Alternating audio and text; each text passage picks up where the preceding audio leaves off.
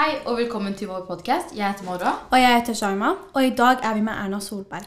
Erna, kan du fortelle litt om deg selv?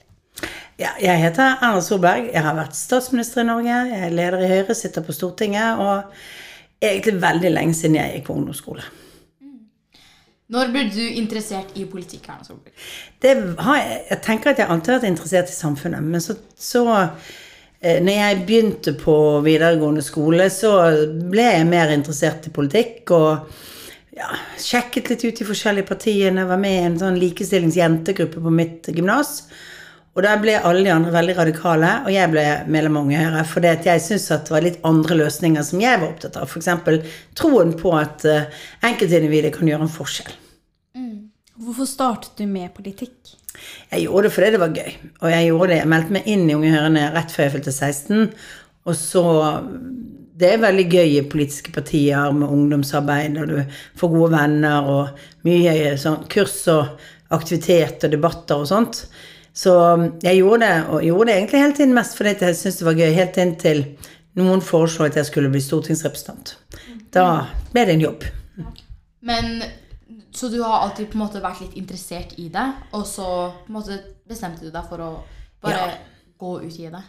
Ja, altså det var mye politisk debatt på den skolen jeg gikk på, og jeg var opptatt av eh, jentespørsmål, likestilling, jeg var opptatt av eh, hva som skjedde i den tredje verden og, og den typen ting, og så var jeg opptatt av skolepolitikk. Litt kanskje sånn som en 16-åring er, sant? du er opptatt av hvordan du kan gjøre skolen bedre og den typen spørsmål. og da, det var vel det som gjorde at jeg begynte liksom å, å, å synes det var gøy å diskutere politikk og var opptatt av samfunnet. Men jeg tenkte ikke at jeg skulle bli politiker. Det var jo mest som en fritidsaktivitet, en hobby. Ja. Hva tenkte foreldrene dine om dette? Jeg tror de syntes det var helt greit. De syntes det var litt for mye av det innimellom. For det gikk jo litt utover min skolegang, altså på videregående skole. Mye ting som skjedde. Og så ble jeg, satt jeg i sentralstyret det som var elevorganisasjonen sin det som var før Elevorganisasjonen, som het Norges Gymnasørsamband, og, og, og, ble, og var leder for Operasjon Dagsverk på landsplan. Så de syns kanskje at jeg skulle konsentrert meg litt mer det siste året på videregående. Men det har jo gått bra. Mm, ja. Hvor gammel var du da du først skjønte at statsminister er noe du vil være? Jeg, jeg var jo ganske gammel. Jeg tenkte egentlig ikke på å bli heltidspolitiker da jeg var ung. i det hele tatt, For det var ganske få som var heltidspolitikere den gangen. Det er litt flere nå. Og da tenkte jeg at kanskje jeg kunne bli en god rådgiver, eller kunne jobbe litt med det. Men jeg trodde jeg skulle gå ut i det vanlige arbeidslivet. Og studerte økonomi og tenkte at jeg skulle jobbe med et eller annet med det. Så det var jo først at jeg tenkte jeg kunne bli statsminister. Det var jo først når jeg egentlig var statsråd i Bondevik II-regjeringen, og folk spurte meg om jeg ville bli nestleder i Høyre, og så høyre, leder i Høyre. Da måtte jeg jo ta inn over meg at det betyr at du kan bli statsminister òg, fordi at er du leder i Høyre, så er jo egentlig tanken at du skal forsøke å slåss om å bli statsminister. Mm. Hva var tankene dine og følelsene dine rundt dette her? Følte du på et press, eller følte du deg redd? Eh, nei, jeg følte ikke på et press. Jeg følte jo Jeg, jeg satt jo og jobbet da Jeg satt i regjering og var leder for og, og hadde sittet i ledelsen i Høyre før. Jeg hadde ganske små barn, to og fire år, men jeg tenkte at um, det var jo tillit Og jeg hadde jo litt lyst til å lede partiet etter hvert. Og satt jo i ledelsen to år før jeg ble partileder. Men eh, det er jo alltid litt som jeg pleier som er ærefrykt. Er alltid litt du, Jeg var litt tøff i, i, i bemerkningen. Jeg husker det var en journalist som skulle spurte meg liksom Ja, men tror du liksom at du kan være statsminister? Sånn og sånn. Og så er det jo sånn at jeg har vært likestillings- og jent, altså kvinne, kvinnepolitiker, har vært opptatt av det, og alle sier sånn Ja, nei, kanskje det er jo andre som har vurdert og sånn. Og da hadde jeg bare bestemt meg for at det skal ikke jeg gjøre, for det høres ut som du ikke har tiltro til deg selv. Så jeg bare sa litt sånn um, Ja, jeg har sett på de andre, så jeg har vel funnet ut at jeg også kan gjøre den jobben. Det var jo ikke sånn jeg følte meg, men det var bare for å ikke liksom undergrave uh, din egen status. Og, og, gutter er jo ofte mye flinkere til å si rett ut hva de vil. Så Men uh, når jeg ble statsminister, så følte jeg jo at jeg hadde ganske god bakgrunn for det. Jeg hadde vært partileder lenge, og jeg hadde sittet i regjering før. Og så er du aldri helt forberedt på hva, du, hva, hva, som kommer, og du vet aldri om du er god på noe før du sitter i jobben. Det må vi alle lære oss. Mm. At uh, du, du, må tørre å si ja til ting du ikke føler du er 100% kvalifisert for, fordi at ingen er 100 kvalifisert. Da er du som oftest overkvalifisert. Ja. Hvilken periode var det vanskeligst å være statsminister? Ja, det er jo litt ulike altså Pandemien var selvfølgelig noe av det vanskeligste, fordi at eh, det hadde så store konsekvenser for det norske samfunnet. Og vi visste så lite i begynnelsen av pandemien, så visste vi veldig lite om hvordan, hva, hva slags virus er egentlig covid. Hvor smittsomt er det? Hvor farlig er det? Hvor? Eh, Det var veldig lite kunnskap om det. Og så så vi jo fra andre land som ikke hadde klart å stoppe smitten så raskt, som fikk veldig sånn voldsom antall dødsfall og mange sykehus som var helt overarbeidet. I India så manglet det jo oksygen, så folk fikk ikke oksygen. Du måtte kjøpe ditt eget oksygen på svartebørs omtrent for for å få hjelp til å puste hvis du var alvorlig syk. Var, du så jo noen sånne voldsomme tragedier. Det, det er selvfølgelig veldig vanskelig. Så er det også vanskelig når, når, når oljeprisen falt veldig det andre året jeg var statsminister. så der er det mange som mister jobben. Og det, og det er mange omstillinger, mye endringer som skjer. Flyktningkrisen, sant. Det er jo litt sånne kriser som er vanskelig. Og så er det litt vanskelig av og til når du skal ha fire partier til å bli enig. Ja. Ja, det var en ganske tøff periode. Og jeg forstår jo at det var jo vanskelig for deg som statsminister å på en måte, ja, gjøre ditt og alt det der. Men det er jo vanskelig for dere òg. Altså, alle de som ikke fikk gå på skole i lange tider og satt med PC-en hjemme og ikke fikk være sammen. Så på en måte så var det en fin side, syns jeg, med det. Det var litt at alle var nesten i samme båten. At alle hadde At det ble litt sånn um, Iallfall i begynnelsen at det var en litt sånn stemning for liksom at dette klarer vi. Ja. Hva er det du er mest stolt over som du oppnådde som statsminister? Det er mange ting jeg er stolt over. Jeg er stolt over noe som denne regjeringen har ødelagt, som jeg. Det var satsingen vi hadde i utviklingshjelpen på at jenter skulle få utdanning. Der har de kuttet veldig mye. Det syns ikke jeg er så bra. Men vi økte den mye og fikk det liksom mer på dagsordenen. Eh, særlig selvfølgelig også med hjelp av Malala, som jo var en veldig viktig person for å snakke om jenter og utdanning.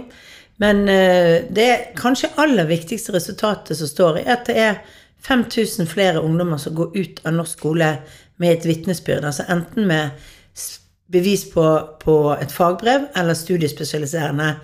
Eh, 5000 flere hvert år nå enn det var når vi begynte. Og vi har jo satset mye på skole. Og det er kjempeviktig at man kommer ut med det. For det, er mye eh, Altså, det er mye enklere å komme inn i arbeidslivet hvis du har fullført videregående skole.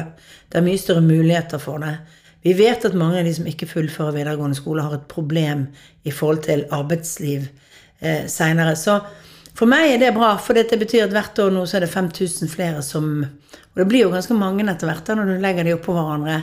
Er 5000 flere som kanskje har et bedre utgangspunkt for å klare eh, voksenlivet. Ja. Hvordan er det å være leder i Høyre? Det er, det er kjekt, litt krevende. Det, det Jeg blir ofte spurt om dette. Noen sånn bedrifter og sånn vil at jeg skal snakke om ledelse og sånn. Så jeg må huske det å være leder i et politisk parti. Det er veldig annerledes enn å være leder i en bedrift. For et politisk parti er jo de fleste frivillige. Det er jo folk som gjør ting uten at de får betalt, og jobber på rundt omkring. Det er en liten gruppe som jobber i partiet, og noen som sitter på Stortinget, men de fleste er jo det. Så det er jo litt sånn som å lede frivillighet, og da må du lede litt til fordi at de skal synes at det er gøy. Ja. Og det tror jeg vi klarer. Det er mye enklere å være leder når du får gode meningsmålinger enn dårlige meningsmålinger. Det er ganske innlysende, men, men du merker det på stemningen. Hva tenker du om at det er så mange som tenker på deg som et forbilde? Hva er dine tanker og følelser om at det er flere unge mennesker som tenker på at du er forbildet deres? Um, det er litt rart, tenker jeg, og så tenker jeg at det er også litt fint. For det er fint at de har et forbilde som eh, kanskje står for liksom noe ja, med innhold og politikk, og at det er um, liksom å være litt seriøs da på det. Selv om jeg også tuller mye, så er det jo så er jeg opptatt av at politikk er både seriøst og viktig og betyr mye for folk. Og så um, forsøker jeg å leve opp til å være et forbilde, selv om ikke alltid jeg klarer det heller. Men jeg tenker at en av de viktige tingene man må ta med seg, er at eh, du, du kan mye mer enn du tror selv. Særlig når du er ung, og det har jeg kanskje bevisst. Hvorfor ble Høyre ditt parti? Det ble mitt parti, som jeg sa litt tidligere. Når jeg var ung, så var jeg litt sånn usikker på hva de forskjellige politiske partiene sto for. Og det var en ganske opphetet debatt den gangen. Og da, da gikk jeg litt rundt og så hørte jeg litt på hva forskjellige partier mente. Og så var jeg i denne likestillingsgruppen på, på um, skolen som ja, var, hvor de andre ble veldig sånn radikale og trodde at det var klassekamp og alt den typen ting. Det var litt sånn retorikk på 70-tallet. Det var helt, det det er lenge siden nå. Men det var liksom at ingen likestilling Altså kunne ikke få likestilling uten at du liksom hadde Uten at du var et sosialistisk samfunn og sånn. Og jeg tenkte litt annerledes om det. Jeg tenkte jo på at hvis jenter får alle de samme mulighetene, den samme utdanningen, tar vekk de barrierene som er i samfunnet, så kan vi klare like mye. Så jeg trodde på enkeltindividet. Det var liksom den ideologiske grunnen til at jeg eh, meldte meg inn i Unge Høyre, var jo kanskje at jeg trodde mer på enkeltindividets muligheter til å gjøre forandringer. Mens eh, mine venninner i denne jentegruppen, de trodde på systemet. Ja. Men støttet venninnene dine deg? De syntes jo det var greit at vi var politisk aktive. Det hendte jo vi møtte hendte jo vi de- var i debatt på steder og sånt. da. Men eh, eh, du blir jo fort veldig mye venner med de du er i samme parti med. da. Mistet du noen venner? Nei, jeg mistet de ikke. Men det var jo sånne venner som du har akkurat når du går på skolen. Og som ikke nødvendigvis er de du hadde alltid etterpå. Men jeg har jo mange venner fra den tiden, men kanskje ikke de som var mest politisk aktive. Ja. Hva ville du jobbet som hvis du ikke var politiker? Ja, Det vet jeg jo ikke, for det jeg, var ikke, jeg ble jo eh, kom inn på Stortinget når jeg holdt på med å avslutte eh, hovedfaget mitt. Det het hovedfag før det ble noe etter master, da, og det var litt lengre. Og jeg holdt på med sosialøkonomi, jeg har sånn samfunnsfagkombinasjon. Så jeg, jeg hadde en liten sånn eh, stilling på universitetet. Eh, Det var sånn stupend, studentstipend som, som jeg hadde, så jeg ga noe sånn gruppeundervisning på lavere nivå. Så det kan være at jeg hadde blitt på universitetet. Eller så kan det være at jeg hadde kommet ut i en annen jobb som sosialøkonom. Det, det kan du gjøre, men da hadde det fort blitt noen utredninger og noe ja, arbeid i departementer eller noe sånt. Har du noen gode råd for en person som vil bli politiker eller statsminister? Ja, viktigste er jo at du må eh, Altså, du må lære deg sakene, eh, og så må du tørre å stå frem. Det betyr at når du har gjort en jobb og skal sagt og skrevet noe, så må du ikke unnskylde deg. Du må liksom stå for det. Jeg syns av og til at det er mange som gjør en kjempefin jobb, og så sier Særlig jenter, så de, peker de på alle andre som har bidratt. Jeg syns av og til man skal si også Jo, men jeg har gjort den jobben. sant? Litt eh, tørre å fremheve seg. Og det gjelder egentlig ikke bare hvis du er politiker, det gjelder også hvis du hvis du, en hvilken som helst jobb hvis du vil, vil opp og kanskje få eh, høyere stillinger. Og så tror jeg du må være interessert i mennesker. For det som politiker, så hvis du ikke liker å snakke med folk, eller gå rundt og, være, og, og høre på folk og sånt, så tror jeg at du får et litt vanskelig liv som politiker. For det, vi bruker mye tid på å snakke med folk, lytte til folk, ikke bare snakke selv. Ja. Syns du det var krevende? Med tanke på at du fikk jo slengt kommentarer, og det var masse positivt, men også ganske mye negativt. Ja, og jeg tenker at hadde jeg vært veldig ung politiker når jeg ble så kjent og det har vært sosiale medier, så tror jeg jeg hadde tatt det litt mer uh, innover meg. Men jeg er bare blitt voksen og tenkte at dette er jo egentlig mest av alt um, folk som, som ikke har oppdragelse, som mener noe om kroppen til folk, eller mener noe om at du staver feil. Jeg har dysleksi. Sant? Altså, så jeg, jeg eh, staver jo litt feil av og til. Og sånn. Og i begynnelsen så var det noen som kan ikke Høyres leder skrive ordentlig. Herregud, ikke det et skoleparti og sånn. Og det var, men etter hvert så alle visste at jeg hadde dysleksi, så var det alltid noen som skrev 'Hold opp om mobb, hun har dysleksi, og det vet du'. Sant? Og sånn. Hvor alle skal få lov å ytre seg. Ja. Ja. Så Så det det var på en måte fint at det var noe som det er alltid fint at noen som støtter opp, og tenker at jeg ikke trengte å forklare det. Men jeg tror, at, eh, jeg tror vi må lære oss at, vi ikke, at, eh, at du ikke skal bekymre deg så mye over de kommentarene som, som kommer. Det, det, er, det er jo ofte folk som er, skal forsøke å tøffe seg på en eller annen måte. Ja. Og uansett hva du gjør, så kommer du alltid til å liksom Man får alltid en kommentar. Ja. Så du på en måte kommer aldri i ditt liv til å liksom slutte å få kommentarer. Fordi alle sammen får kommentarer. Ja, og så er det blitt mer og mer, mer sosiale medier. Det er det. Eh, og, men jeg syns jo at folk kan, eh, kan eh, oppføre seg litt ordentligere mot hverandre. Jeg ser jo f.eks. av og til at det er noen som forsøker å mobbe andre som har skrevet noe på noen av mine sosiale medier. Og da pleier jeg å si at eh, enten må du Altså dette må du stoppe med, eller så, eh, eller så sørger jeg for Altså blokkerer jeg det. Og ikke fordi du nødvendigvis sier noe om, om meg, men hvis de kommenterer andre. Så det er litt sånne ungdommer av og til som, som henger seg opp i hva noen de kjenner, har skrevet. Mm. Skal du stille deg som statsministerkandidat til neste valg? Ja, det har jeg planer om å stille i 2025 også. Um, hva ville du gjort annerledes hvis du hadde blitt statsminister igjen? Altså, det, det er jo sånn at verden forandrer seg. sant? Så i 2025 så kommer det til å være andre utfordringer enn de vi hadde når jeg satt som statsminister eh, sist gang. Noen ting kommer til å være de samme. Eksempel kommer jeg fortsatt til å være opptatt av alle de som står utenfor arbeidslivet, som bør komme inn i jobb, og vi bør finne måter at de kan få muligheten til å jobbe. Det er én ting. Eh, og så er det jo um, ting som har forandret seg ganske mye nå.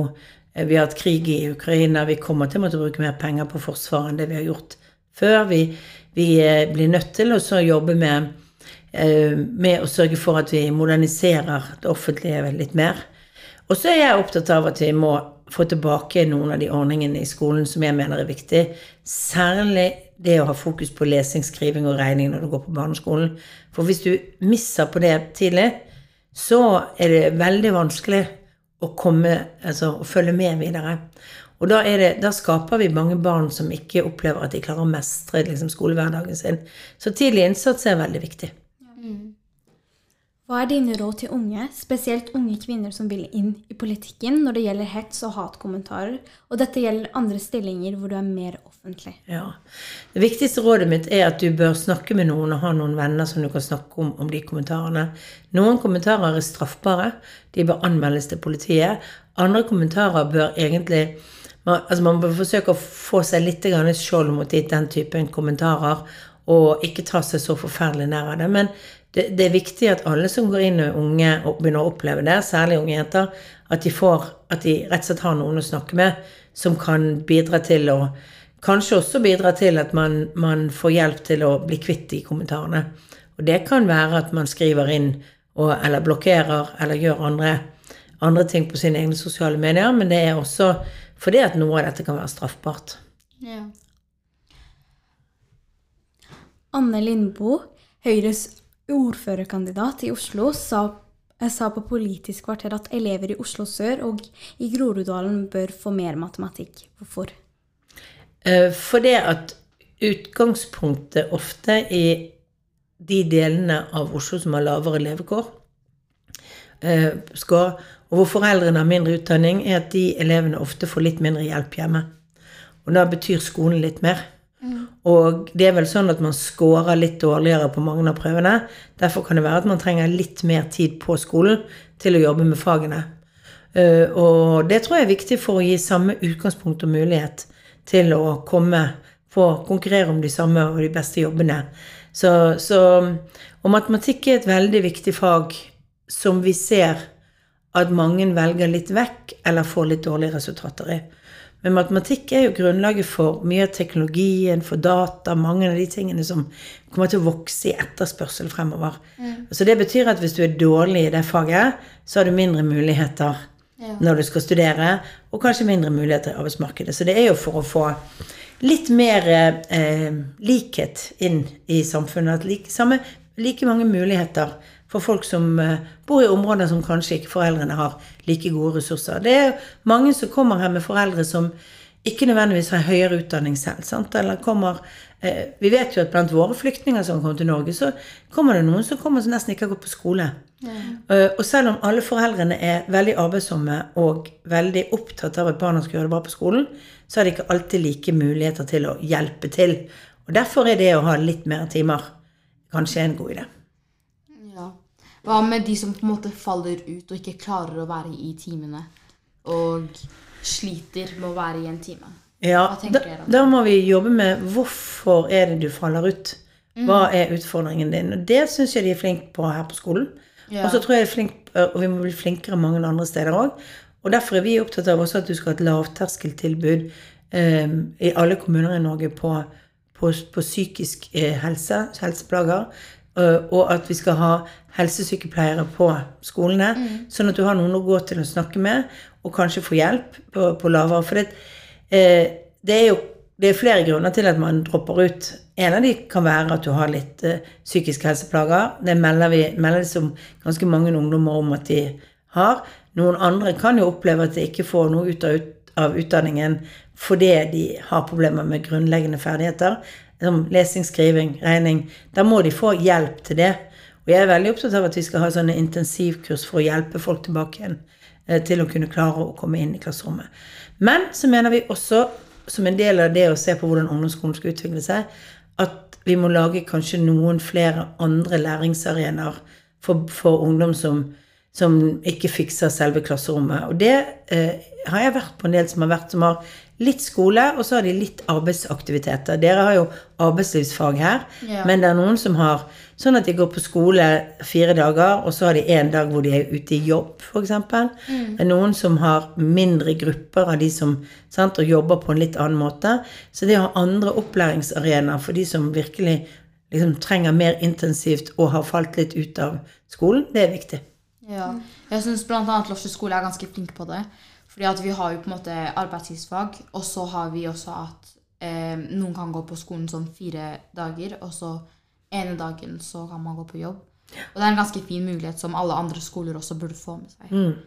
Vi vil ha flere sånne alternative opplæringsarenaer hvor det er mulig å ja, komme gjennom eh, ungdomsskolen og pensum på en litt annen måte enn For det er ikke alle, eh, alle som klarer det, og ikke lærer nødvendigvis i samme tempo. Man kan få inntrykk av at Høyre mener at straff av elever er veien å gå når elever ikke oppfører seg. Hva tenker du rundt dette? Kan, dette? kan det være andre måter å få elever til å gjøre en innsats? Ja, uh, altså vi, vi er ikke opptatt av så voldsomt opptatt av straff, egentlig. Men vi er, vi er opptatt av at ting, hvis du gjør noe, skal ha en konsekvens. Sant? Og sånt. Eh, Det, det er der at du, du tidlig skal skjønne, hvis du gjør kriminalitet f.eks., at du skal få en reaksjon med en gang, sånn at du opplever at samfunnet ikke aksepterer det. Sant? Det er en bit av det. Men veldig mye dreier seg om å jobbe med å skape bedre oppvekstvilkår. Det dreier seg om å sørge for f.eks. det jeg sa med psykisk helse, som er en viktig prioritering for mange av de som, som ramler ut. Og så eh, er det jo viktig å eh, også gripe fatt i de som f.eks. lar bli rekruttert til gjeng og annet på et tidlig tidspunkt, og føre en, få en bane hvor de kan føres vekk fra det. Og det kan jo kalles straff, men jeg syns jo egentlig at det er eh, egentlig er til for å hjelpe de til å komme på en bedre, mm. bedre retning. Ok, men vi har også fått noen spørsmål fra elever på skolen. Eh, og det er aldersgrensen på eh, energidrikke er 16 år, men den seksuelle lavalderen er 15 år. Hvordan mener du det henger sammen? Du vet, Den seksuelle lavalderen er 16 år, den òg. Hvis det er sånn normalt med 15 hvis du er samme alders... Sant? Altså hvis du er sånn. Men eh, eh, jeg tenker at det henger sammen med helsebiten på hjernen din, hvordan du utvikler hjernen din i tid. Og hjernen din er ikke fullt utviklet du, før du er over, opp over 16 år. Så det, og det er farlig med veldig mye energidrikk. Ja. Hva mener du om fraværsgrensen? Jeg er for en fraværsgrense. Og jeg mener også at det skal være en fraværsgrense i ungdomsskolen, men ikke sånn som den er i videregående. For alle har rett til å gå på, gå på ungdomsskolen og du skal få karakterer. Men det skal være en et grense hvor man setter i gang tiltak.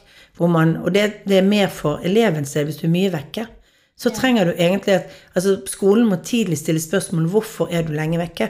Hva er det? Sånn at det må være en grense som gjør at da setter skolen inn tiltak som bidrar til å snakke med foreldre og andre om fraværet.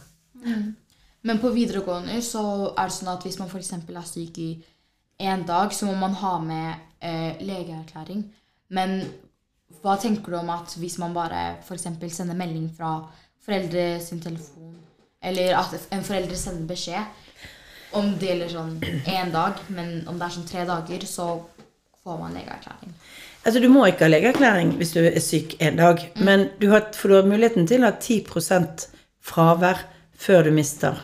Sant? Sånn at, men det blir ikke gyldig fravær uten at du har en legeerklæring. Det er viktig å si det, for du kan jo ha litt fravær Uh, uten at det går utover at, uh, uten at du når fraværsgrensen for det.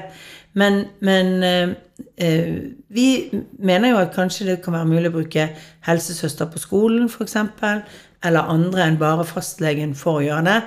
Men litt av utfordringen er å med det meldingssystemet du har, som var i gamle dager, også med at foreldrene kan skrive melding, det er jo at eh, det er fort gjort det at man utnytter Ja. ordningen. Og, og, og det vi har som resultat av fraværsgrensen, er jo at folk er mer på skolen. Og mye mer på skolen. Og det er viktigst for de som er svakest. Det som også er viktig, er at det betyr noe for klasserommet og undervisningen i klasserommet. For hvis det er en tre-fire stykker som alltid er vekke eller kommer tilbake, så må læreren begynne på nytt igjen. Progresjonen i klassen blir dårligere av at du har noen som er mye vekke. Og derfor er det Derfor har fraværsgrensen en effekt også for de som ikke har fravær, i den formen av at det bidrar til bedre læringsmiljø på skolen. Hva tenker du om mobilfri skole? Jeg tenker at hver skole skal bestemme selv. Det har vi sagt. at bør, Hver skole bør diskutere om mobilskolen Altså Jeg syns det er helt naturlig at mobilen ikke har noe å gjøre i klasserommet når du har undervisning. Og jeg er på mange skoler hvor det lages et sånt sett eh, hvor, de, altså hvor, de har, hvor de legger mobilen når de kommer inn, og så får du ikke hente den før det går. Men, eh, men eh, jeg syns at det er en god diskusjon for den enkelte skole å ta. Ja. Um, hva er dine mål videre? Nei, altså Målet mitt er jo at eh, vi skal gjøre et godt valg til høsten for Høyre i byene, i Oslo og mange andre byer og rundt omkring i hele landet. Kommunevalget. Og så er det jo at vi skal jobbe med en politikk som gjør at folk får, vil stemme på oss i 2025. Eh, det har vært veldig hyggelig å ha deg her. Eh, du, har hatt, du har svart på ganske fine spørsmål. Eh, og så tenker vi bare å avslutte med å spørre om du har noen planer for sommeren. Ja, jeg har Jeg skal ikke ha så mye ferie siden det er valgkamp i år, men eh, jeg skal ha nesten tre uker, og da skal jeg være litt i Frankrike og litt på Vestlandet. Jeg må reise til Frankrike òg, for jeg kan aldri være garantert at det er fint vær på Vestlandet. Ja. Det var veldig hyggelig å ha deg her. Veldig hyggelig å være Tusen takk for at du fikk komme. Ha det bra. Ha det.